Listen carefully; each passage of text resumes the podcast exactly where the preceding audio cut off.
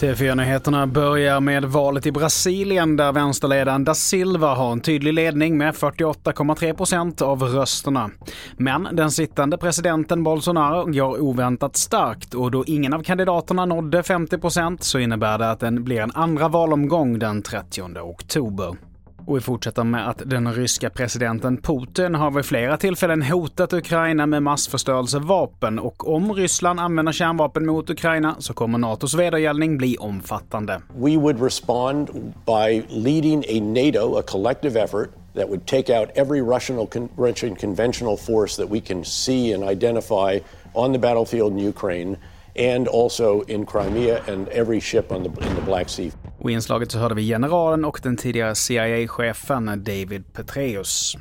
Och till sist, efter helgens två dödsskjutningar i Södertälje stadsdelen Ronna så har Ronna-skolan beslutat om extra insatser, det rapporterar Ekot. Dels kommer ett vaktbolag patrullera i skolan men också få extra tillsyn av polisen. Dessutom har skolan satt in extra antal rastvärdar och förstärkt elevhälsoteamet med en extra samtalsstöd. Fler nyheter hittar du på tv4.se. Jag heter Mattias Nordgren.